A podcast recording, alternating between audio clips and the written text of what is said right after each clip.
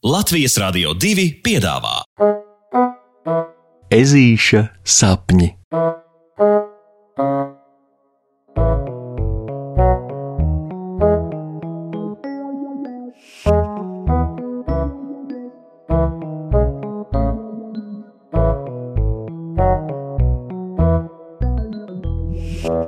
Ezītis un blefa meistars Rokijs.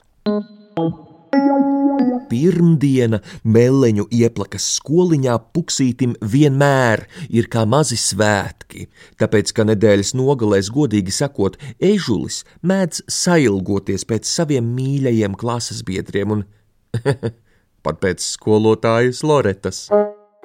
Arī Rokijs šodien ir absolūti pacilātā garstāvoklī, staigādams apkārt piķa melnās saules brillēs.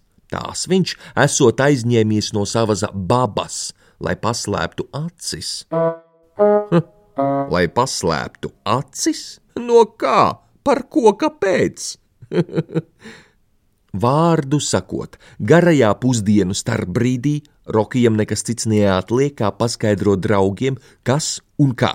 Tāpēc Rokijs sastumi kopā trīs klases galdus un palūdz visus sastāties ap tiem.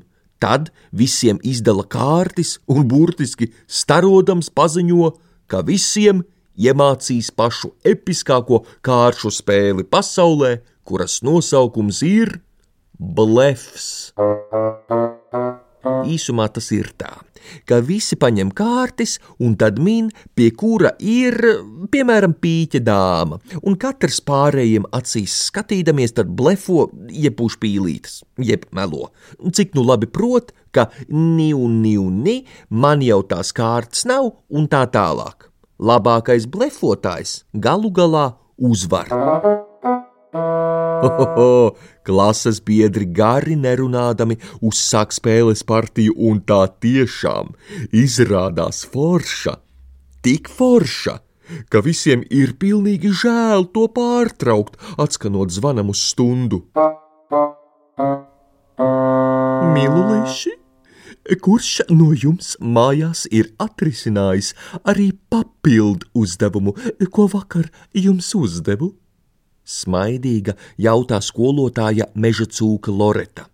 Negaidīti pirmā gaisā pašaujas lācēna rokija ķepa, un pēc acu mirklīgas saskatīšanās arī visu pārējo klases zvēruļu ķepas. Ak, mani malacīši, mani mīlulīši! Kā tāda maija saulīte smaidā atplaukt skolotāja Loreta. Labi, bet kurš no jums būtu gatavs nākt un visas klases priekšā šo uzdevumu atrisināt uz stāfeles?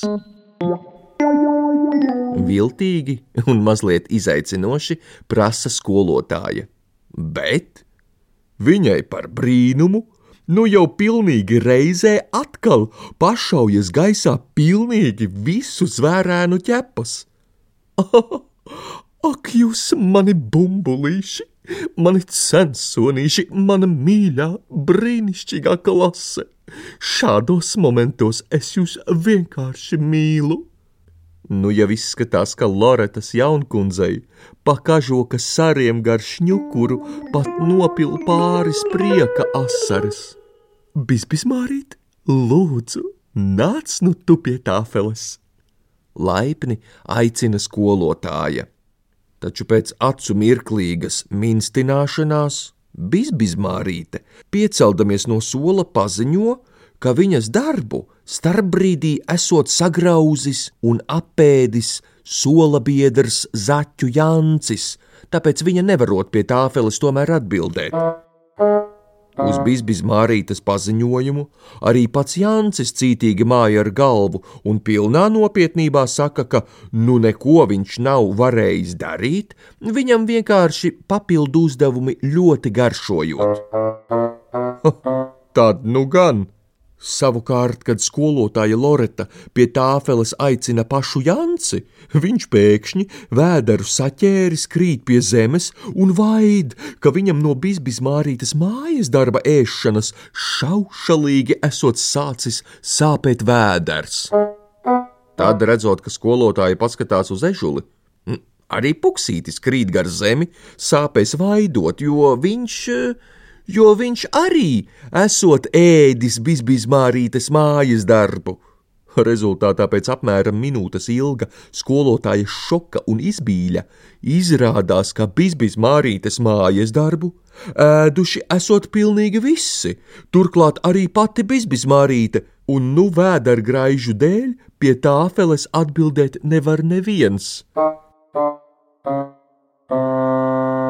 Ak, mana dieniņa! Bet tad jau man jāskrien saukt skolas medmāsa ar rūktajām vērmeļu vēdera zālēm, paziņo Loreta un jau dodas uz klases durvju pusi līdz, līdz te pēkšņi visi zvērēni pieraušas kājās, it kā nekas nebūtu noticis, un pilnā nopietnībā dievojas, ka visiem, kā uz burvju mājiena, sāpes esot pārgājušas. Un pēkšņi Skolotājai Loretai pielec. Te taču kaut kas nav tīrs. Nu tā, kas te šodien īsti notiek?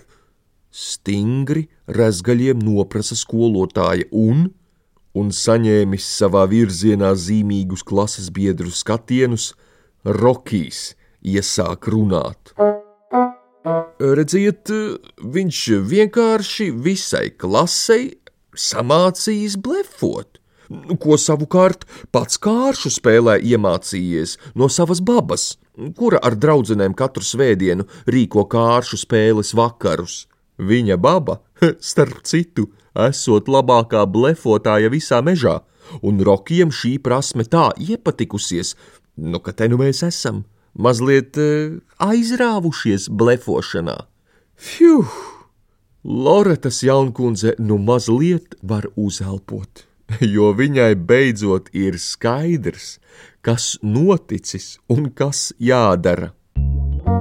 Atlikušo stundas laiku klase pavada sarunās par to, kā atšķiras blefs no meliem Jo redziet, blefs kārtīs ir spēles noteikums, kura dēļ visi zina, ka tiks teikta nepatiesība. Taču, ja otrs nezina, ka viņam saka nepatiesību, turklāt to spēr ārā ik pēc mirkļa, tad nu gan tā ir melošana, un meli nekad pie laba gala nenoved. Labi vēl, ka visi neaizmānījās tik tālu, ka dabūtu dzert vēderzāles vai braukt uz slimnīcu. Galu galā pēc garuma garas sarunas klases biedri vienojas vairs nekad nemelot, nu, ārpus blefa kāršu spēles, lai neradītu liekus pārpratumus ne sev, ne citiem, jo, kā labi zināms, tad meliem ir īsas kājas. Par to skolotāja Loreta ir gatava no prieka apraudāties un cieši apskauj visus savus mīlulīšus. Un kas ir pats labākais? Pēc tam palūdz rakariem arī viņai iemācīt to dullo pīlīšu pūšanas kāršu spēli. Domāts darīts. Rokijs pat aizdod skolotājai viņa babas melnās saules brilles. Ak, tas tik ir skats! Pasakas beigas ar labu nakti, draugi!